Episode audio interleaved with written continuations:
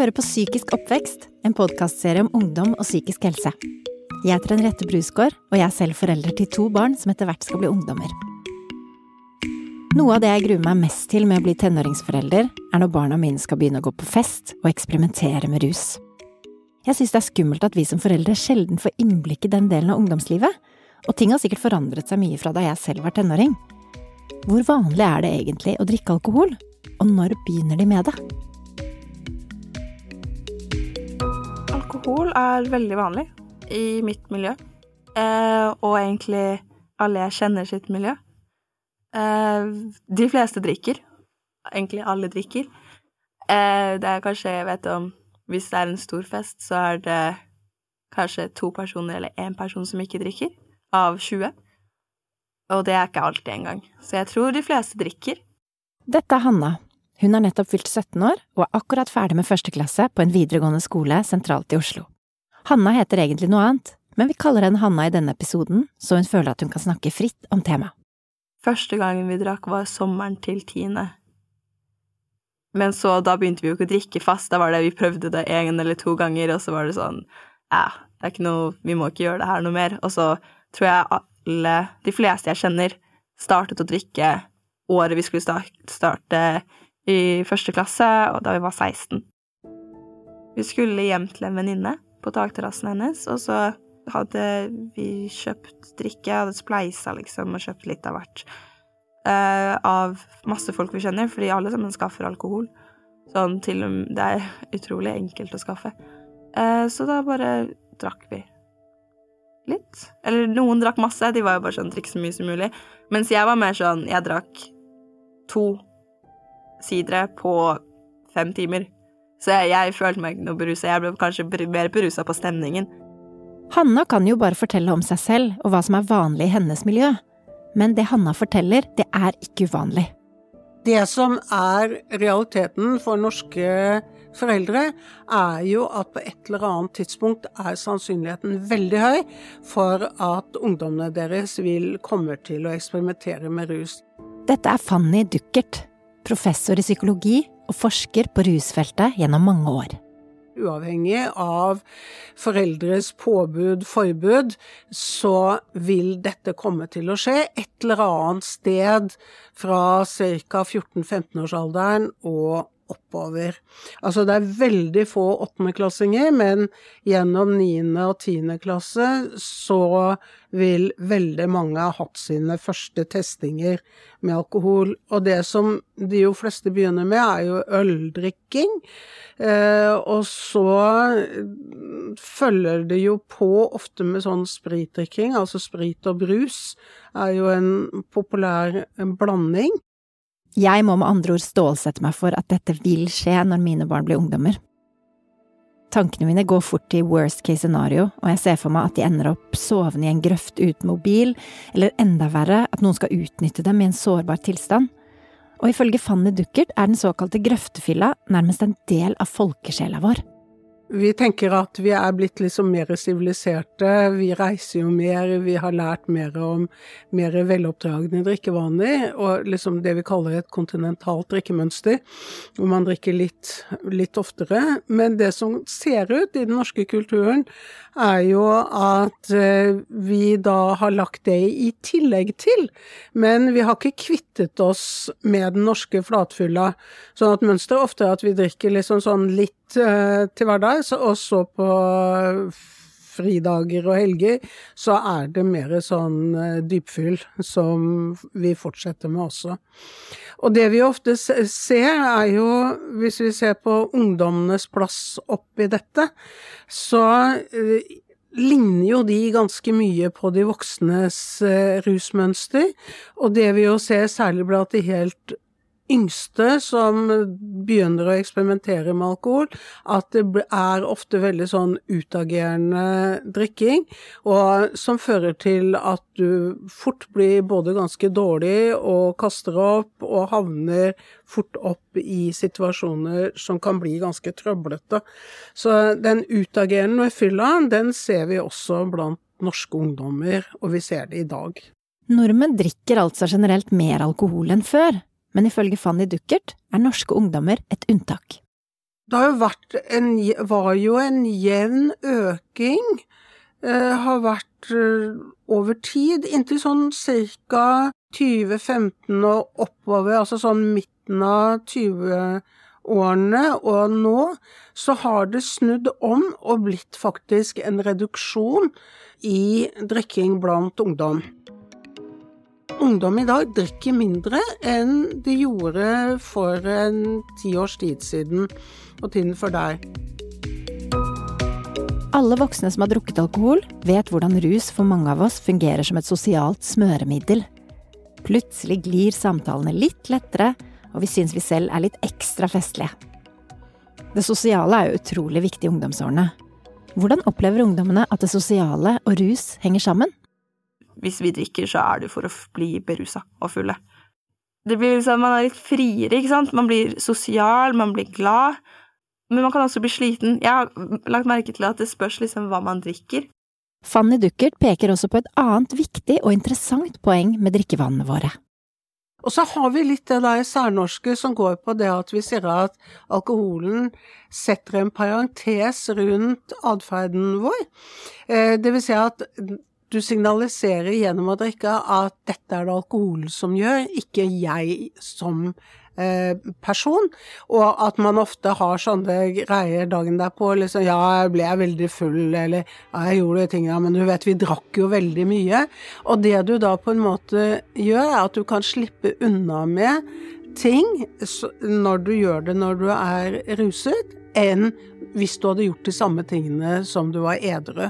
Så denne greia, som er eh, både sosialt smørolje, du blir mindre ansvarlig, og du tør mer, er jo en viktig kombo for at veldig mange unge bruker alkohol.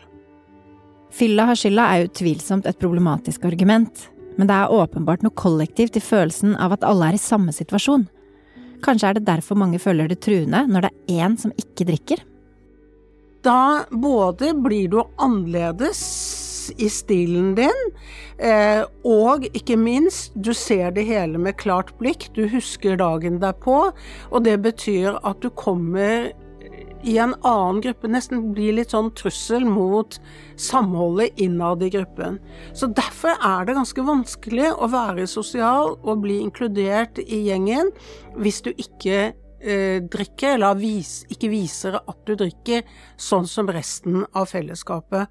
Og det er jo også et press for en del ungdom hvor man sier nei, gud, hun er så kjedelig, hun drikker jo ikke, så vi gidder ikke invitere han eller henne. Sånn at ved å ikke touche alkohol, så blir du fort utenfor. Du kan få føle deg mer ensom og utafor fordi du opplever en litt sånn utstøting av dette her ungdomsfellesskapet. Ungdommen vi har snakket med, har ikke opplevd drikkepress selv men hun sier at hun tror mange kan føle på det. Jeg føler ikke jeg opplever gruppepress på å drikke, men kanskje jeg har presset noen uten at jeg tenker over det. Sånn, det jeg har aldri vært sånn du må drikke hvis ikke får du ikke komme, sånn direkte, men kanskje hvis For jeg kjenner jo folk som er ett eller to år yngre enn meg, kanskje hvis noen av de ser opp til oss, så ser de at vi drikker, og da er det sånn de vil også drikke, eller at det er en på en fest som bare at alle andre drikker, og du er den eneste i rommet som ikke gjør det, så føler du at å, for å være med Eller kanskje man føler på det selv, da, eller sånn, litt sånn indirekte press. At man burde eller må gjøre det. Det er bare det at du kanskje ikke Hvis du ikke drikker på en fest, så blir du kanskje ikke like Du blir jo ikke berusa, så da blir du kanskje ikke like sosial som de andre, eller ikke henger med på den måten. I tillegg til det lovlige rusmiddelet alkohol, finnes det et bredt spekter av ulovlige rusmidler relativt lett tilgjengelig. Men hva slags type rusmidler er det egentlig vanlig at ungdommer bruker? Jeg kjenner mange som røyker hasj. Det er ganske vanlig, egentlig. Jeg har opplevd å blitt spurt om jeg vil ha ecstasy, Molly, hasj, kokain, eh, sopp.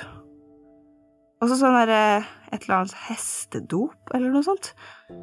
Men jeg har aldri prøvd det, og det, akkurat det er jeg veldig redd for, at hvis jeg tar noe, så går det liksom inn i kroppen min og forandrer meg for alltid.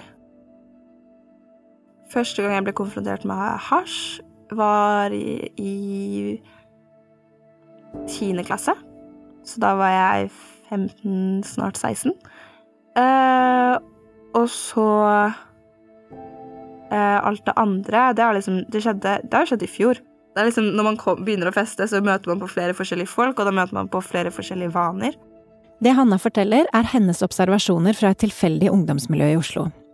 Og selv om mange ungdommer kan oppleve å bli konfrontert med andre rusmidler enn alkohol i løpet av ungdomstiden, er rusforsker Fanny Duckert opptatt av å avdramatisere situasjonen. Vi har en litt sånn interessant ting som går på at man offisielt har gitt narkotika mye, mye større oppmerksomhet, sånn at veldig mange foreldre tror at dette er veldig vanlig å bruke, men i virkeligheten så er det alkohol som er det rusmiddelet som brukes, og så lite grann hasj, men i veldig mikroskopiske mengder. Det er en ganske interessant engelsk undersøkelse hvor eh, ledende engelske forskere gikk gjennom alle typer rusmidler. Alkohol, eh, marihuana, LSD, amfetaminer, metamfaminer, crack, kokain.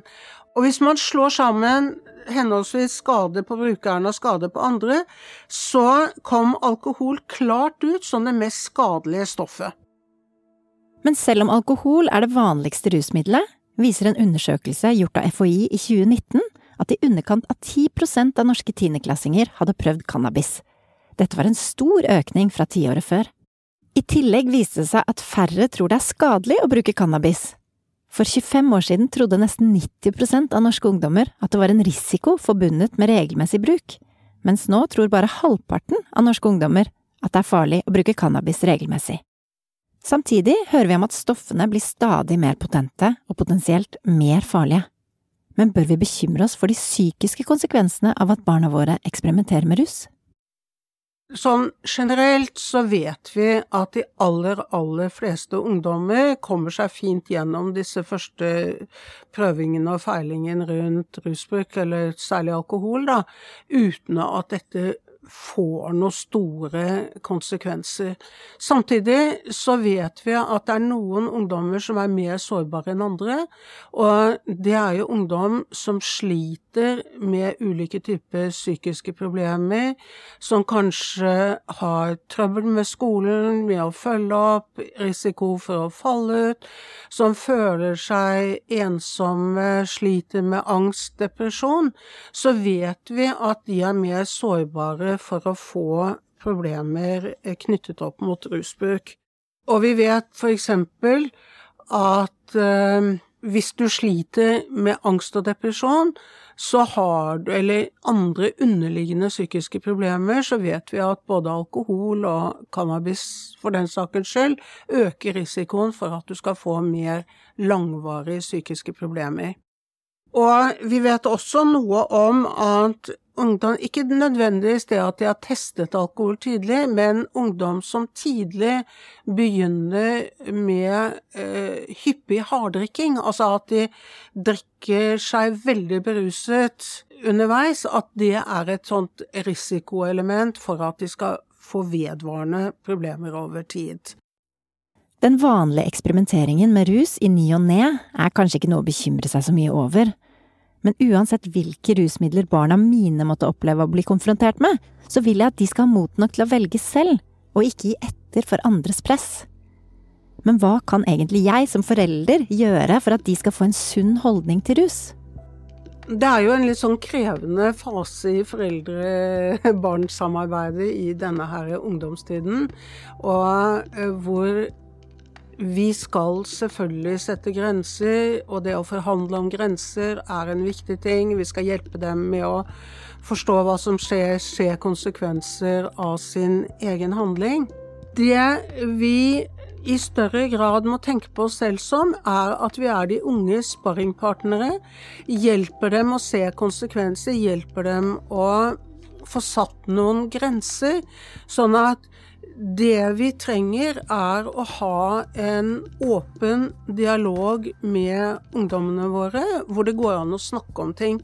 Det minst lure vi kan gjøre som foreldre, er å gå inn i veldig sånne strenge overvåkning, forbud og straff-tilnærminger. Fanny har noen konkrete råd til oss foreldre som kan være lurt å ha som ess i ermet. Små triks, eh, det er at det kan være f.eks. veldig lurt eh, at du har, kjenner vennene til ungdommene dine, og til og med får telefonnummer. For det er mye større sjanse for at hvis du ringer til en kamerat, at han eller hun svare på den telefonen, mens din egen unge vil aldri svare deg hvis de har jo, Ungdommene har jo ungdom, eh, telefonen på stille, og det siste i verden de har lyst til å gjøre, er å svare når de ser at det er en forelder som har ringt. Men hvis det er foreldrene til kompisen, er sjansen mye større for at du tar den. Så da sikrer du deg en slags nødkanal inn i det miljøet hvor ungdommen din er. Det som også kan være viktig, det er jo dels å ha litt sånn ordentlige snakk etterpå. Ikke for å kjefte, men for å fortelle hvor engstelig eh, man har vært for at noe skulle skje. Eh, også gå gjennom noen sånne security-råd. Eh, eksempel eh, gi da disse rådene som går på spis litt først, eh, drikk alkoholsvakere ting, ikke drikk, drikk bar sprit, pass på drinken din så ikke noen kan helle noe i den, og aldri la hverandre være alene. Gå aldri fra hverandre, men sørg for at dere holder dere sammen, dere som er venner.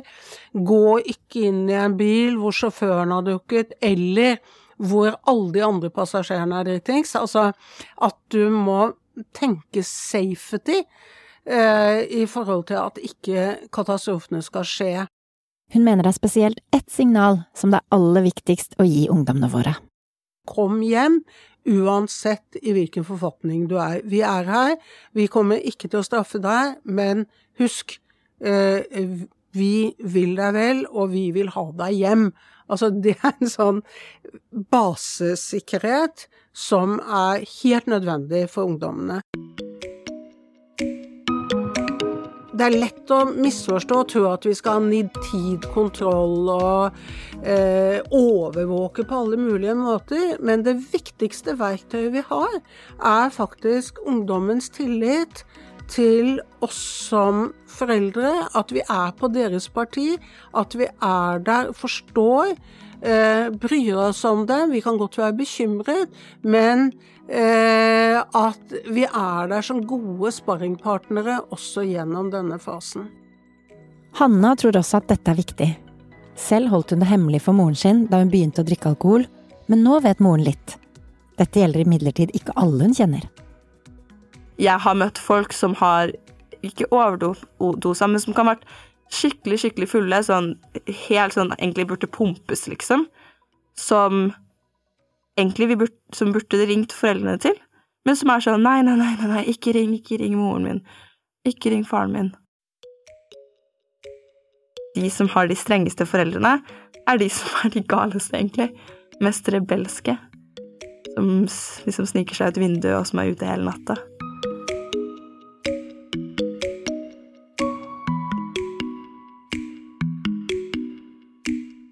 Denne podkasten er produsert av Vrang Produksjon for Rådet for psykisk helse, med støtte fra Stiftelsen DAM.